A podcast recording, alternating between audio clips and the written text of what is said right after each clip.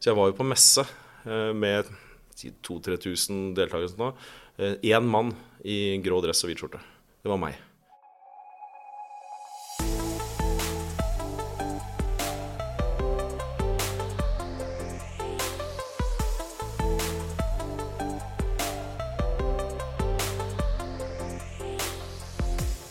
I dag gjelder det for Sindre og meg å prestere. Fordi gjesten i dag er nemlig sjefen vår her i fjellsport.no. Han er en kjent skikkelse innenfor netthandel og har hatt stor suksess med opptil flere nettbutikker. I dagene før innspillingen av denne episoden har han uttrykt en del bekymringer i gangene her. Vi skal komme litt til bunns i hvem Erik er, og om han trives i fjellsport, og litt om netthandel generelt. Velkommen til medarbeidersamtale, Erik. Tusen, tusen takk. Og jeg har stort sett mest gleda meg. Jeg har vært litt spent på hva dere har lyst til å prate om. Og sånt nå, og dere har jo vært kjempehyggelige og ikke forberedt meg på noe som helst. Så det, det, her, blir, det her, blir, bra.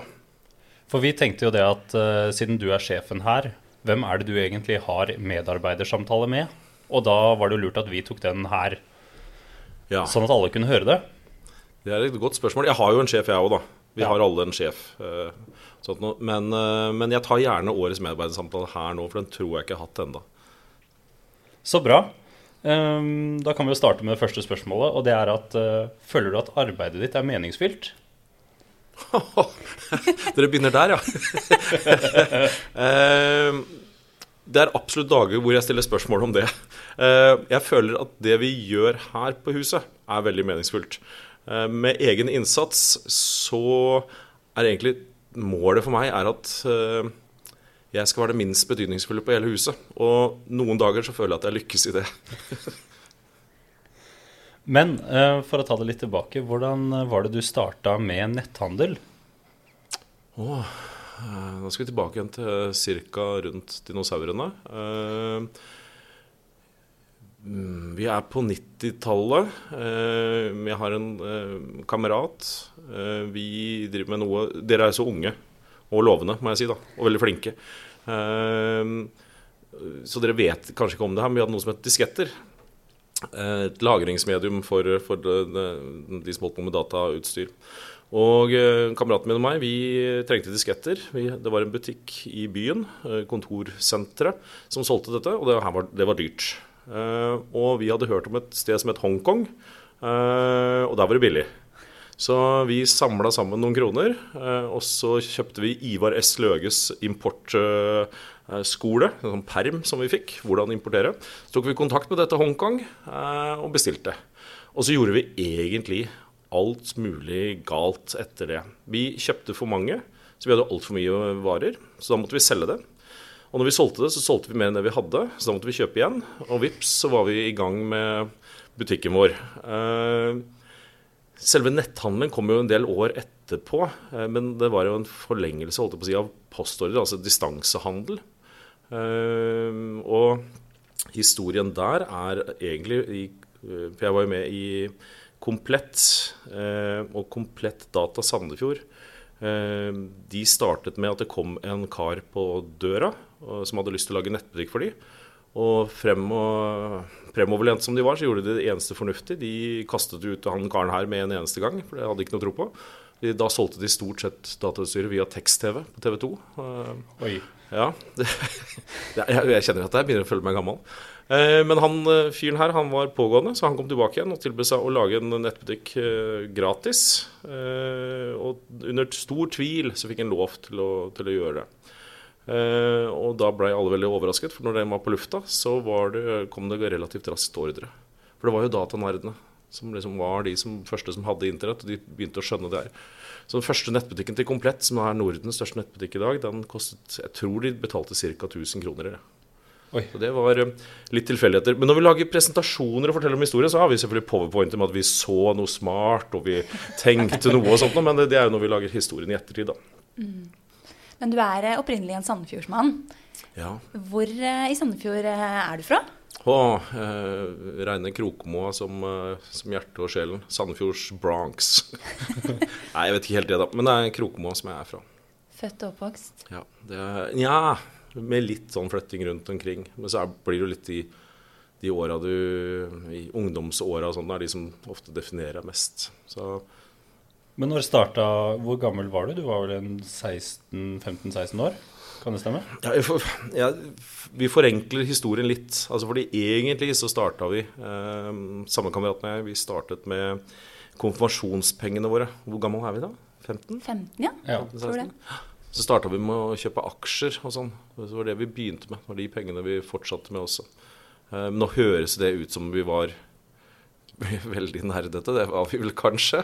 Eh, men det var mer for vi hadde vi, vi, hørte, vi hadde lyst til å gjøre, drive med noe. Vi hadde lyst til å gjøre noe. Så det var ikke sånn eh, Det var ikke så målretta som det kanskje høres ut i dag. Da. Det var mer hva skal vi kalle det, en fritidsaktivitet for å, for å gjøre noe. Men hvis du ikke hadde starta med netthandel og hadde gått uh, kanskje litt mer tradisjonell vei gjennom ungdomstida, mm. hva hadde du blitt da? Eh, jeg hadde eh, en veldig stor plan. Jeg skulle på, til Bergen. Skulle på, på Handelshøyskolen. Eh, og min kjære mor var lærer og rektor, og jeg tilhører av de få som faktisk kan stå for det, at jeg, jeg var veldig glad i skolen. Det er, det er jo ikke stuereint å si, men jeg, jeg koste meg faktisk veldig på skolen. Fram til det siste året på videregående. Da hadde jeg noe sånt som 120 timer, eh, enkelttimer i fravær og sånt, så jeg var rett og slett skolelei. Så planen min var alltid å gå og dra til Bergen og, og, og så videre til utlandet og så bli siviløkonom. Og jeg har fortsatt et sånn lite håp om å eh, få tatt skole en gang, men nå begynner jeg å bli litt mer usikkert hva jeg skal ta. da. Så sveising og basketball eller et eller annet sånt i Australia høres jo litt fristende ut, men uh, vi får se. Jeg har sagt det hjemme noen ganger at en vakker dag så skal jeg komme meg på skole igjen, men uh, de har begynt å le litt av meg når jeg sier det. Hva med sånn tre måneders eh, PT-utdanning på Bali? Eller i Bali? det, høres veldig, det høres veldig riktig ut, og veldig meg, ikke minst. Eller Bali, da, i hvert fall. Jeg har jo møtt deg i gangen flere ganger, og i forbindelse med noen ansettelser som vi har hatt her, så har du plutselig stilt ut meg et spørsmål. Mm. Eh, og det var er du først ferdig eller helt perfekt? Mm. Og da Det fikk meg til å tenke på hvor kommer det fra? Oh, det, det, er et standardspørsmål som jeg stiller i alle intervjuer. Uh, og eh, jeg er veldig opptatt av at vi skal ha forskjellige mennesker på, på huset. Vi skal ha forskjellige profiler, vi skal ha forskjellig bakgrunn. vi skal ha forskjellige, for Jeg tror rett og slett mangfoldet er, er veldig bra. Uh, og samtidig så er det viktig å uh, kjenne seg selv litt. Grann, Uh, og jeg er uh, Jeg er først ferdig. Du er først ferdig? Jeg er, jeg er først ferdig, uten, uten tvil uh, der. men jeg blir litt sånn, noen ganger blir jeg litt sånn stressa med mennesker som tror de er først ferdig, men de er egentlig perfeksjonister. Eller det motsatte, at de tror det er perfekt, og så er det bare kjempe, kjempefort ferdig. Så det går, egentlig så går spørsmålet litt på kjenner du deg selv, og tenker ut det. Eh, så det er ikke noe fasitsvar, altså hvis du har lurt på det. om det. Vi ser bare etter først ferdig eller, eller, helt perfekt. Eh, men det er vel egentlig det det går på. Ja. Eh, hva, hva, er, hva, er du, hva, hva, svarte du? Hva er du? Du var begge deler, du sa du. Ja, det er det som er litt skremmende. ja, Det er ikke lov å si. Nei, jeg er nok litt mer den øh, ønsket om å være helt perfekt, og ja. bruker nok litt, lang, litt, for lang tid noen ganger. Ja. Eh, dessverre. Kanskje. Sindre, Først ferdig eller helt perfekt? Jeg, jeg føler jeg er først ferdig med Og det er 85% bra. Ja, ja, da er du først ferdig. Mm. Ja. Men den er fin. Ja, det, ja. det, er min sånn take på ting. Og så må man ta de siste 15% etter at du har fått testa det litt. Ja, ja, ja. Men det er jo ikke noe sånn det er jo ikke det verdens smarteste spørsmål, og det her er det, er det som avgjør om du får jobben eller sånn. Eh, det er vel mer Jeg, jeg syns det er et artig spørsmål å stille også fordi at de, de, den samtalen etterpå Altså hva, hva tenker du rundt, rundt, deg selv og sånt noe? Uh, ja. Så det er, det er, bakgrunnen. Men jeg lurer litt på, um, sånn som du sier med komplett.no som starta i dinosaurenes alder. Mm. Eh, hvordan har eh, forventningene til kundene endra seg eh, på alle disse årene? Er det noe du tror er mer viktig for kunder i dag enn for 20 år siden f.eks.? Ja, de, altså de, er, de, har jo helt andre forventninger. Basisen er den samme. Kundene blir stort sett lykkelig hvis vi har det rette produktet til en Eh, riktig pris, raskt levert og ikke noe trøbbel. Det er liksom kjernen. Men det er klart, på, når du går ned på detaljene, så eh, I starten så var det jo sånn før, så eh, du sendte en bestilling. Eh, noen ganger så Det høres litt rart ut nå, da, men eh, de, når kunder sendte en bestilling, og vi følte at de egentlig trengte noe annet, så byttet vi bare. Så du, så du, bestilte den varen, og vi nei, vi skal mene sikkert den andre her, så sendte vi, sendte vi den. Sånt gjør vi ikke lenger. Um, og så fikk du egentlig ikke noe beskjed før du fikk en lapp fra Posten om at nå skulle du komme og hente den, etter fire-fem-seks dager og sånt noe. Nå, det vet jo vi at kunder i dag Vi har en del som uh, forventer å få det samme dagen. Og det kommer jo bare til å gå raskere og raskere. Eh, dere ser på personen som stemte mot å ha bilder av produktene på nettsiden til Komplett. Er det sant? Ja, det er helt sant.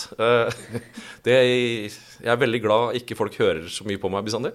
Eh, den gangen så var det jo fordi at internettlinjene var, var, ikke så kraftige. Så Hvis vi hadde bilder, så tok det så lang tid å laste ned. Så jeg mente det var viktigere å få siden raskt lastet og stedet for å ha det bildet. Men i dag kan du ikke ha en nettside uten å ha bilder på det. Nei, det blir jo litt trist. Det blir veldig trist. Ja. Um, men listen over dumme ting jeg har sagt og gjort, den, den er lang. Altså. Det kommer vi sikkert tilbake til. Um, men det med produktinformasjon det er noe som jeg føler fortsatt ikke er godt nok. Jeg syns uh, fremdeles det er vanskelig hos oss også å finne ut om et produkt passer helt, hva som passer sammen og sånt noe. Uh, så da vil nok forventningene bare bli enda større fremover også. Andre ting, valgfrihet. Før så var det jo Du betalte med postoppkrav, og du fikk sendt den med posten, liksom. Det, det, det var ikke noe annet. Nå liker du å, å, å kunne velge å styre, styre ting. Eh, retur. Hvor, hvor, smertefritt det skal gå. Så ja, forventningene øker og øker, og det er egentlig litt naturlig og litt bra også. Men det er litt interessant at eh, de samme eller hva skal jeg si, grunnpilarene er de samme fortsatt. da. Ja. At det er eh, produkt, eh, riktig pris, få det raskt levert og minst mulig hassle. Ja, det, det er, og det er jo for en del så er jo det netthandelens rolle. Noen ganger så liker jeg å bli inspirert og kikke rundt og kose meg litt sånt nå. Andre ganger skal jeg jo bare ha en rask og smertefri handel. Uh, så det er litt, litt, forskjellig på det. Men jeg tror basisen er den, er den samme fortsatt. Så den skal vi ikke tulle med. Nei. Og tiden har jo forandret seg litt også. Det, det kan man si.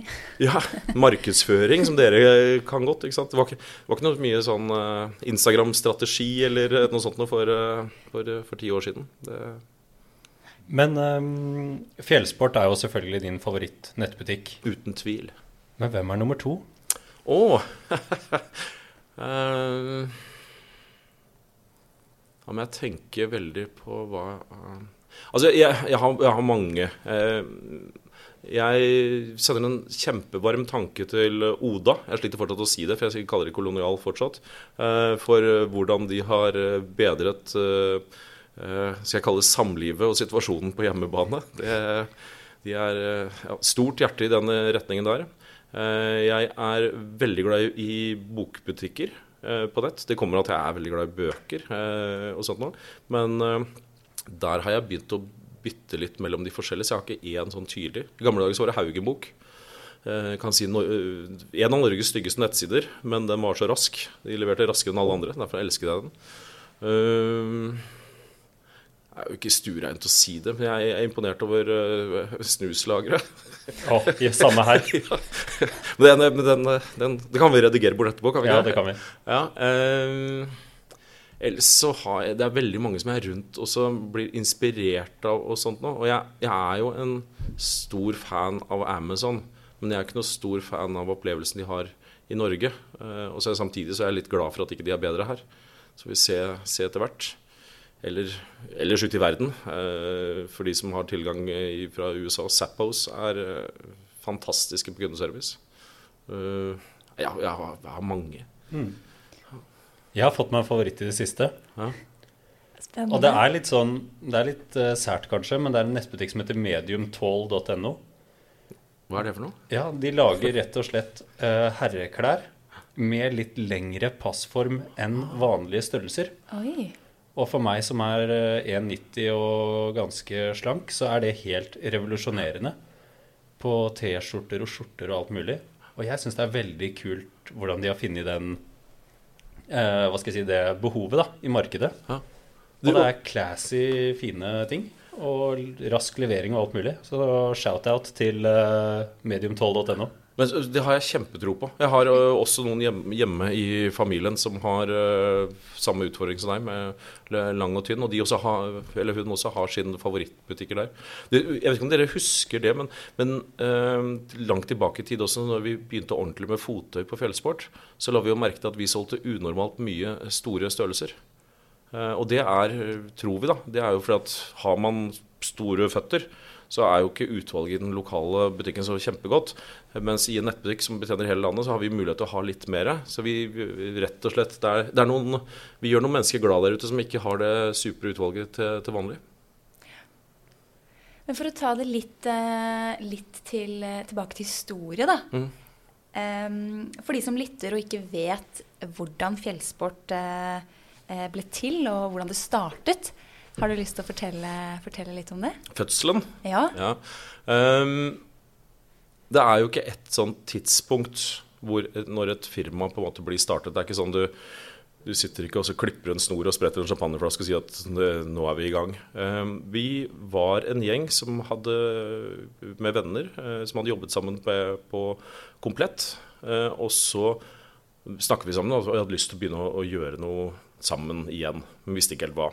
Eh, egentlig så var planen eh, etter hvert å begynne med fysisk butikk.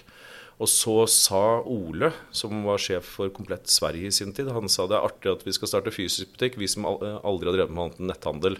Og da var det sånn Han har kanskje et poeng. Kanskje vi skal se på netthandel. Eh, og så gikk vi gjennom flere bransjer hvor vi så etter en del sånn ting. Eh, F.eks. at det ikke var så stor netthandelsandel. At det var et, noen produkter som engasjerte oss. Eh, at det gjerne det var en, noen store, tunge sånn, aktører som vi kunne utfordre. Vi elsker å pirke litt i sidene og sånt. Og så kikket vi på bl.a. Uh, utstyr til kjæledyr. Vi så på kjøkkenutstyr. Vi så på barn, utstyr til mødre og barn. Vi så på friluftsutstyr osv. osv. Og så eh, ble tilfeldighetene sånn at vi tenkte ja, friluft, sport og friluft, det, det, er noe. Så var det en liten butikk i Sandefjord som het Fjellsport, eh, som Per Erik hadde startet. Enmannsfirma. Som vi da tok oss og kjøpte navnet eh, og, og, driften til. Og så gikk, gjorde vi det om da til netthandel. Eh, det er fødselen rundt da. 2010-11? Ja, det er vel 11 år? Ja, jeg tror vi fyller elleve år. Ja. ja. Mm. Kake. har fylt. Kake? Nei, fylt. Vi har fylt. Mai, ja, har fylt. var det. Ja, mai var det. Ja, stemmer. stemmer. Ja, da, da. Så det er bak, bakgrunnen. Uh, og så er det en god del som spør da om hvordan var det med friluftsinteressen deres og, og sånt nå. Uh, og der uh, har jeg veldig stor tro på at man må brenne litt for de produktene man, man selger. Uh, og vi hadde ikke den Altså vi var ikke Lars Monsen eller Børge Ausland eller noe sånt noe. Så vi så ganske tidlig at vi var nødt til å ha med oss folk som kunne bransjen, som kunne produktene og sånt noe. Så kunne heller vi stå litt mer for uh, hva skal vi kalle det for noe, baksiden med datasiden og netthandel og, og sånt noe. Uh, og så har den miksen fungert. Men Erik, hvordan går det med friluftsinteressen? Er du en friluftsmann? Uh, jeg kommer, kommer, aldri til å tørre å si det. Aldri. Um, det, jeg merker dere det også, at det, å si det her på huset, det er Da skal du ha litt, uh, altså litt som kan underbygge det. Uh, men uh, den har blitt vesentlig større. Uh, og jeg trives på, ordentlig på tur. Uh, litt avhengig av hvor, hvor, med hvem, og ikke minst været. Jeg blir værsjuk. men en hardcore friluftsmann, det, det er jeg nok ikke. Men du har jo vært på tur i sommer? Ja, jeg har vært på, vært på eh, kjempefin tur. Det har vært norgesferie i år. Eh, og jeg har en eh, god venn som, så, som, er så heldig at inviterte meg å gå Hardangervidda på tvers, blir det. Jeg syns de alltid lurer på langs eller tvers, men i hvert fall fra, fra øst til vest. Så vi gikk Eh, ut fra, fra Dagali og til Kinsarvik. Eh, og hadde jo tidenes flaks med været. Eh, og storkoste oss, egentlig. Men Hardangervidda er ikke flat. Jeg kommer til å brånekte for det helt til jeg ligger i grava. For du møtte vel en eh, ny fjellsporter eh, på veien der også, gjør du ikke det? Lille Norge, altså. Siste kveld på, på DNT-hytta overfor Kinsarvik. Eh, og bare for sagt, Jeg elsker DNT. Jeg elsker DNT-hyttene. Jeg elsker det biten med at du kommer inn, eh, at du alle har litt sånn felles opplevelser. Du setter deg ned, alle prater med alle og sånt noe. Og da ble vi sittende og prate med, med, med to jenter eh, som fortalte at de var studenter, men at de nå hadde fått sin første voksenjobb. Og hun fortalte at hun skulle flytte fra Fitjar til et, et, by som heter Sandefjord. Og vi i Sandefjord, jøss, yes, ja, det, hvilket firma da? Fjellsport. Og det var da vår, vår nye sosiale medieansvarlig. Eh, og da tenkte jeg at det her er en liten verden. Men det er veldig, veldig hyggelig. Og så fikk jeg jo da litt bra start, følte jeg. For da så jo at jøss, jeg var mm. ute, jeg også. Sånn liten pluss i boka der. Ja, for du skjønner at den, den historien her har jo gått på huset. Ja. Og, og, da har det vært litt sånne morsomme med ting som har kommet frem. Sånn jøss, var Erik på Hardangervidda? Ja. Det er jo helt utrolig. Ja, det er jeg, har, har, litt å gå på. Jeg har det. Det har vi alle, tror ja. jeg. Men jeg har, jeg har, har vært på noen turer, men jeg kan du ikke gå rundt på huset her og si at du er, eh, er mye på tur. altså da, da, skal du være mye. Vi har jo en del, vi jobber jo sammen med en del kollegaer som ikke trives innendørs. Vi jobber jo med flere som faktisk sover ute flere dager i året, og så kommer de rett på jobb etter ja. å ha sovet i telt. Er ikke det kult? Så det er kjempekult, men jeg merker jo det at uh, man blir jo litt påvirka òg. Nå har jeg jobbet her selv i tre år, mm -hmm. og jeg har jo sovet flere ganger ute i telt etter at jeg begynte å jobbe her. Og blitt mer interessert i, i å være ute. Ja, og jeg, og jeg, jeg, jo, jeg, er jo en ivrig lytter av podkasten deres. Og jeg, jeg syns jo noe av det eh, mest interessante og spennende var når du forteller oss om det, hvordan det er å gå altså de første turene og de tinga man lurer på. For jeg opplever veldig ofte at folk lurer på de samme tinga. Men man, man tør ikke å spørre. Altså, hvordan gjør jeg, gjør jeg, det og det? og sånt da. Så det, det, tror jeg er viktig for å senke den terskelen. Uh, og så syns jeg det er artig å se når, når, vi er på tur sammen, sånn som vi prøver å være når ikke det er korona og pandemier og sånt nå, så um, er det jo et veldig avslappende å være på tur med de skal vi kalle de ekspertene på huset. hvor De er, de er litt sånn laidback, og de, de, har sett alt og gjort alt. og sånt, Så det, det er ikke så mye stress med de. Nei, det, er det er mer stress å dra på tur med noen som er lik som meg. Som er litt usikre. og altså, Hva skal vi gjøre for noe? Ja. Men um, jeg har vært litt opptatt av det her med å bygge kultur. Mm. Og der syns jeg at um, fjellsport er definitivt det hyggeligste firmaet jeg har jobba i. Fordi jeg syns det er stor frihet under ansvar og mye tillit fra ledelsen og kall det nedover organisasjonskartet. Hvordan er det man får til det? Ja, hvordan jeg får til det? For det første så noterer jeg nå da at det var et veldig godt innlegg i, i lønnsoppgjøret. Siden det, det, ja, det, det, her ser bra ut. At det sånn. nei, uh, nei jeg, jeg, vet ikke helt. Men uh, jeg tror det handler om en sånn grunnleggende respekt for hverandre. Uh, da fins det noen triks, og så, og så, går du litt på personer og sånt nå også. her på huset Jeg blir veldig overraska positivt overraska. Når vi er sammen, og sånt nå, så opplever jeg at det er en sånn eh, genuint ønske om at de andre skal ha det bra og sånt nå. Men hva kommer det av? Altså Er det bare at vi har samla veldig hyggelige mennesker, eller er det noe annet? Eh, jeg tror sånne småting som vi gjør med at Eh, når ikke det er pandemi og, eh, og vi har nyansatte, så, så, skal jo de innom og jobbe på de andre avdelingene. Sånn at man si, får en respekt for det. Eh, det handler om at vi eh, har mulighet til å egentlig diskutere alt på huset. Det er ingen som eier litt sannheten. Det kan nok være litt frustrerende noen ganger også, men det er jo, jeg blir jo veldig glad når folk har meninger om ah, hvordan vi gjør ting andre steder, og altså, brenner litt eh, for det.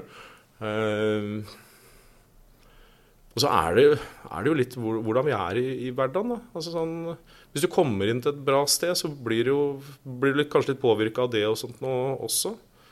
Men eh, det går jo, vi skal være ærlige, det går jo opp og ned her og sånt. Men jeg, jeg føler egentlig at det er sånn Når du kommer inn, så, kan, så, kjenner du litt på stemningen at her er det bra å være. Men eh, Du hører litt på vagheten. Jeg, jeg vet egentlig ikke helt hvordan, men jeg bare konstaterer at det er bra, og da, sånn vil vi ha det. Ja, for det er veldig sånn neppe og stemning, og det er jo lite Bortsett fra når det er styremøte, så er det jo ikke noe særlig dress og skjorter her. Eller da er det i så fall flanell, da, men uh... ja. ja. Det er, eh, og det med, klær, det med klær syns jeg, synes jeg er veldig gøy og veldig spennende. Grunnen til at jeg har på skjorte i dag, forresten, er at jeg skal et annet møte etterpå. Og så ja, for det fikk vi faktisk Det var en i gangen her, Frode. Mm. Han lurte på om ikke vi bare kunne stille et spørsmål om hvorfor du hadde på skjorte i dag. Ja, jeg har et annet møte etterpå. Jeg, det her blir jo pinlig og utleverende, men uh, jeg hadde faktisk på en T-skjorte. Og så tenkte jeg nei, men Erik, det, det, her, det her, går ikke. Hva hvis de, for de kommer fra Oslo. Hva hvis de stiller opp i dress og, så føler seg helt utafor. Men uh, det jeg skulle si, var at uh, når jeg var i databransjen, så var, da var det grå dress og hvit skjorte som gjaldt. altså for at du, ellers så var du ikke seriøs. Eh, og jeg begynte jo med det i sportsbransjen. Så jeg var jo på messe eh, med 2000-3000 deltakere. Én eh, mann i grå dress og hvit skjorte. Det var meg. Eh, da lærte, lærte, jeg det. Eh, og så er vi i en bransje hvor man sender signaler med klærne.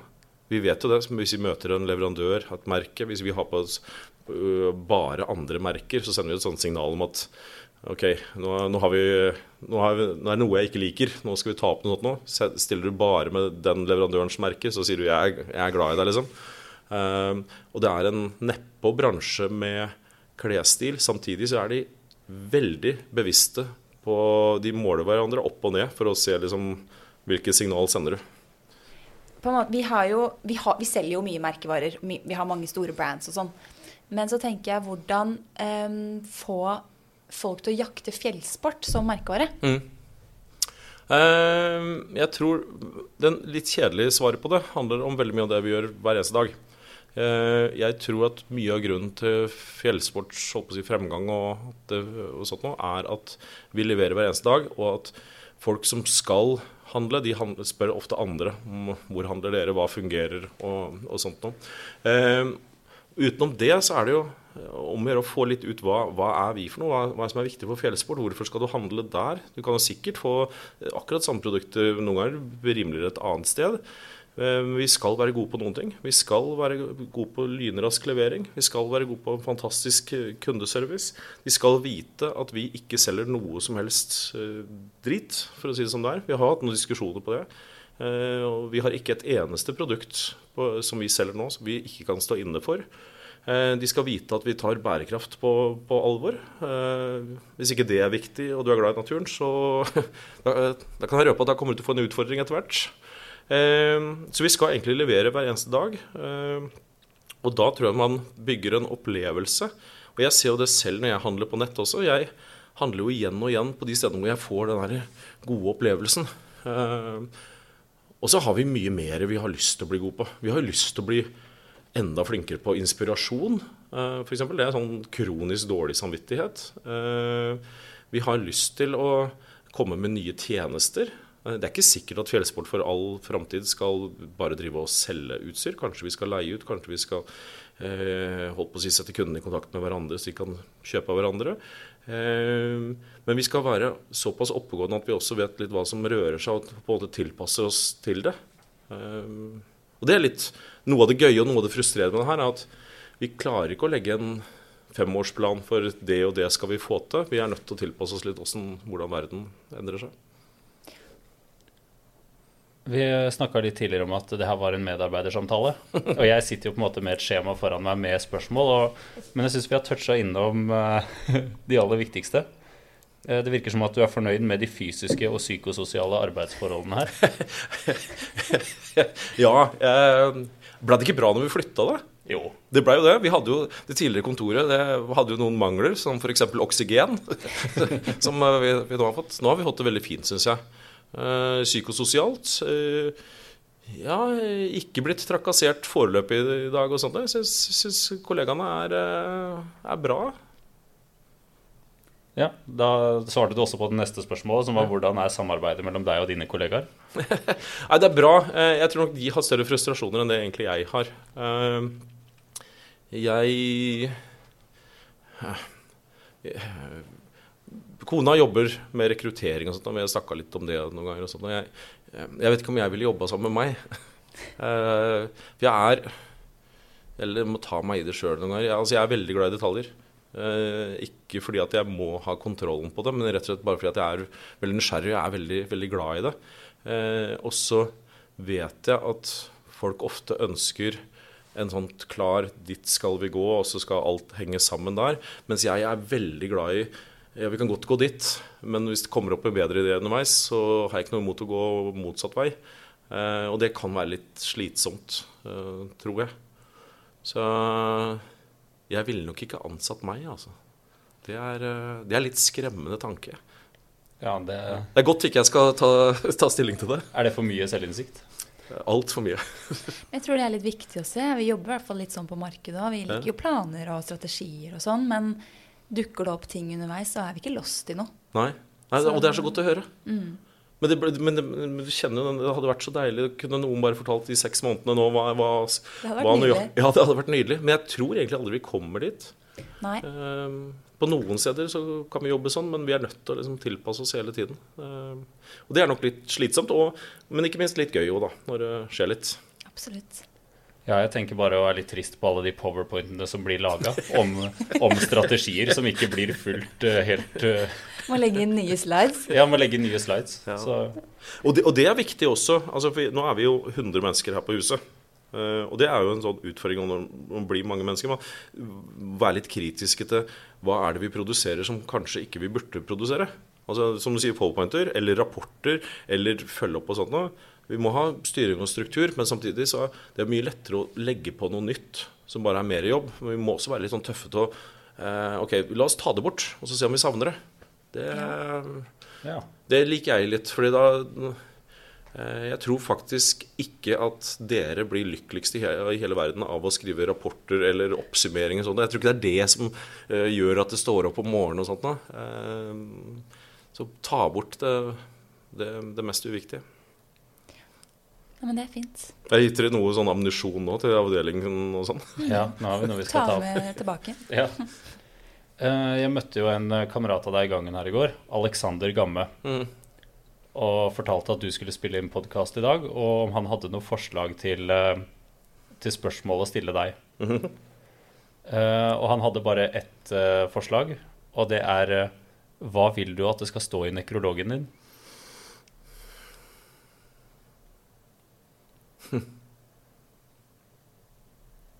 Det første jeg umiddelbart tenkte, var at uh, holdt å si noe sånn Han, han, han var snill.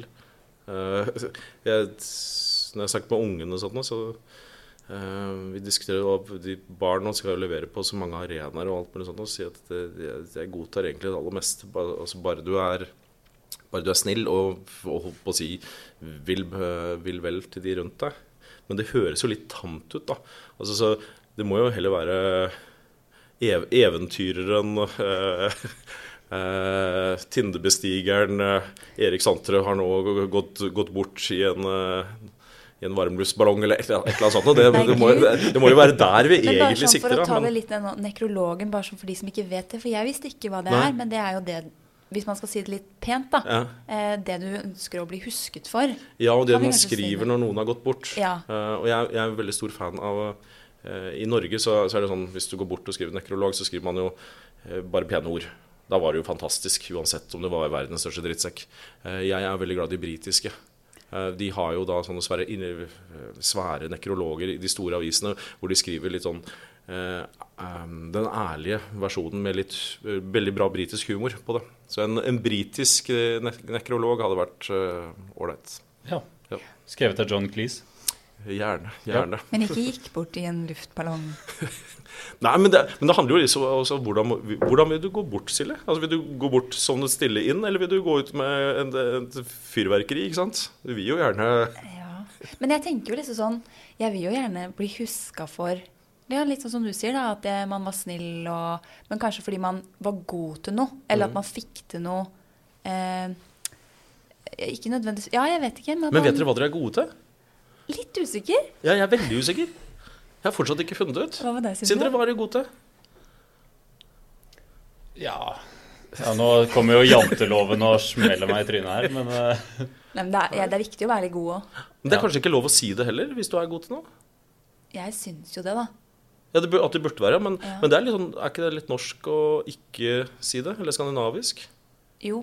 Litt vanskelig å sette punkter på også sånn Du vet på Når du en, skal bli ansatt et sted, så skal du si sånn tre gode grunner til. Hæ? Kjempevanskelig. Hæ?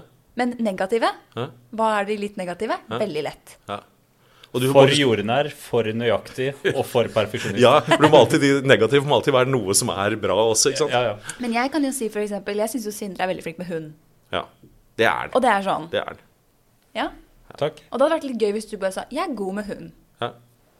Jeg veit, men uh, man Den sitter litt langt ja, sitter litt ja, du, fortsatt, du sliter med å få den ut, ikke sant? Ja, gjør det. Jeg, jeg sitter jeg, akkurat nå og ser på TV-serie uh, All or Nothing på, på, Netflix. altså dokumentar om amerikanske fotballag i en sesong. og de har jo ikke den begrensningen.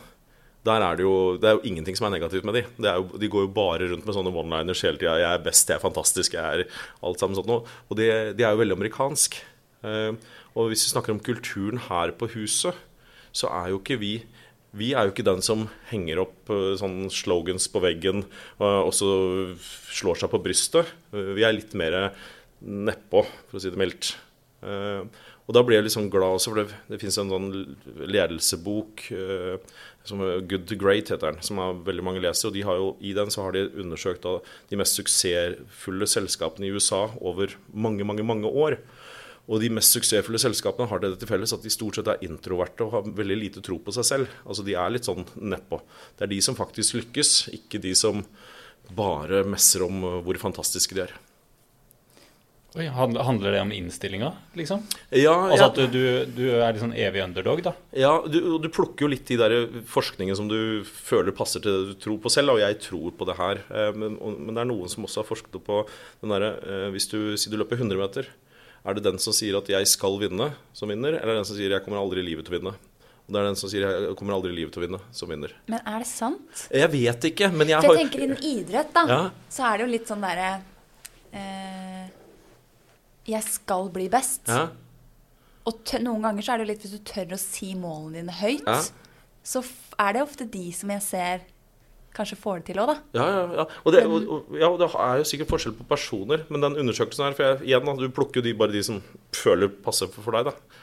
Litt som sånn uh, koronavaksinestatistikk. Uh, uh, men det de sier, er det at hvis du, hvis du sier det for høyt og tror for mye på det, da stopper du før dere mål.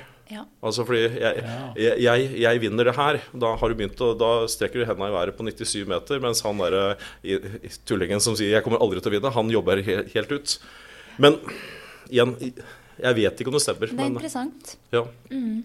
Og det kan nok være litt sånn med kulturen her på huset, så kan nok det være utfordrende hvis man er, øh, hvis man er den typen også som liker litt den derre store, hårete målet og den derre slå seg litt på brystet. Og så møter man da en annen gjeng som sier uff, nei, alt er gærent, altså, så vi må ta oss sammen nå. Så eh, det er litt tøft å få de til å fungere sammen. Ja.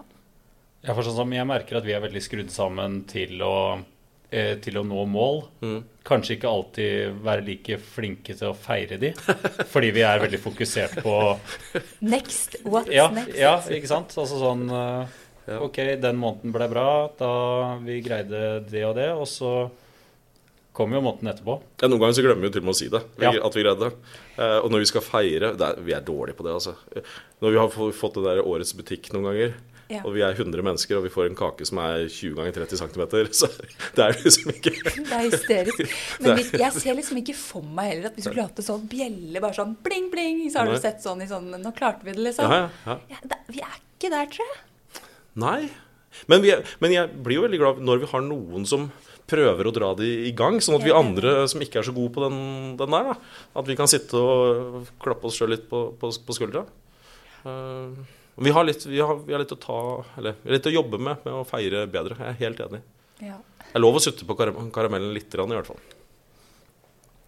Men uh, vi har jo noen faste spørsmål som vi alltid stiller uh, til våre gjester. Enten de er eh, hardcore friluftsfolk eller netthandelsgründere og sånne ting. Men får jeg bare spørre om det. Altså, hvordan, hvordan, blir jeg sett på på huset da? Blir jeg sett på som helt sånn håpløs? For dere sitter og smiler hver gang dere sier friluftsmenneske og meg. Er jeg helt på håpløs-skalaen? Er jeg midt på, eller hvor, hvor er jeg hen? Jeg tror du er ganske god. Ja, du har jo begynt med jakt, har du ikke det? Jeg har i hvert fall tatt jegerprøven. Ja. Eh, ja. Og ikke minst kjøpt meg Berit, hagla mi. Nei, gud. Berit, ja. Berit, ja. Må ha navn på den. Det er, pleier man det? Eh, stort sett bare de som ikke du har lyst til å være som. Men jeg, av en eller annen grunn så ble det Berit, da. Ja. Det ble Berit. Ja. Ikke sant? Nei, men du er jo Ja, Ja. der er du oppe og nikker. ja, takk. takk. Ja, jeg er enig. Ja. Helt på 100 Da er dere tilbake og noterer på lønnsoppgjøret her. Men jeg syns du skulle kalt uh, våpenet for vesla. Ja, eh, det er rett og slett bare en sånn hva heter det, alliterasjon, er det ikke det? Når du begynner på samme bokstav. og sånt. Eh, For det er en Benelli-hagle, så det måtte være et eller annet på B. Oh, ja. Ja, Berit Benelli. Skjønner. Ja, for der er du litt sånn nøye. Ja, det, det- det en diagnose. I feel it. Ok, Nei, men ja. ja, ta første du, Silje. Er det noe utstyr da, som du på en måte alltid har ønska deg, men uh, ikke fått kjøpt deg? Ehm, akkurat Ja. Ja, det er det faktisk. Jeg har en uh, ikke, Jeg vet ikke alltid, altså ikke siden barnsben, sånn, men jeg, i veldig mange år så har jeg hatt en sånn derre eh, barnslig drøm om å gå hytte til hytte i påsken. Eh, så jeg, jeg, jeg har veldig lyst på fjellski. Eh, og det ligger vel an til at det går til, går til innkjøp nå. Eh, for det, det skal jeg bare. Jeg, å gå fra hytte til hytte i Fjellheimen med strålende sol, og hver eneste kveld så kan jeg sitte inne, der inne og dele historier med de andre. Åh, jeg gleder meg allerede. Det, ja. og, og hvis ikke det er bra vær, så sitter jeg bare der inne hele tida. Så det, det er jo vinn-vinn, det her. Det hørtes fint ut. Ja, Fjellski. Eller så skal jeg kjøpe meg nytt telt. Eh, Mitt eh, gode, gamle telt. eh, Nå begynner jeg å bli glad i komfort, vet du. så jeg skal gå litt opp i vekt også, på teltet. altså.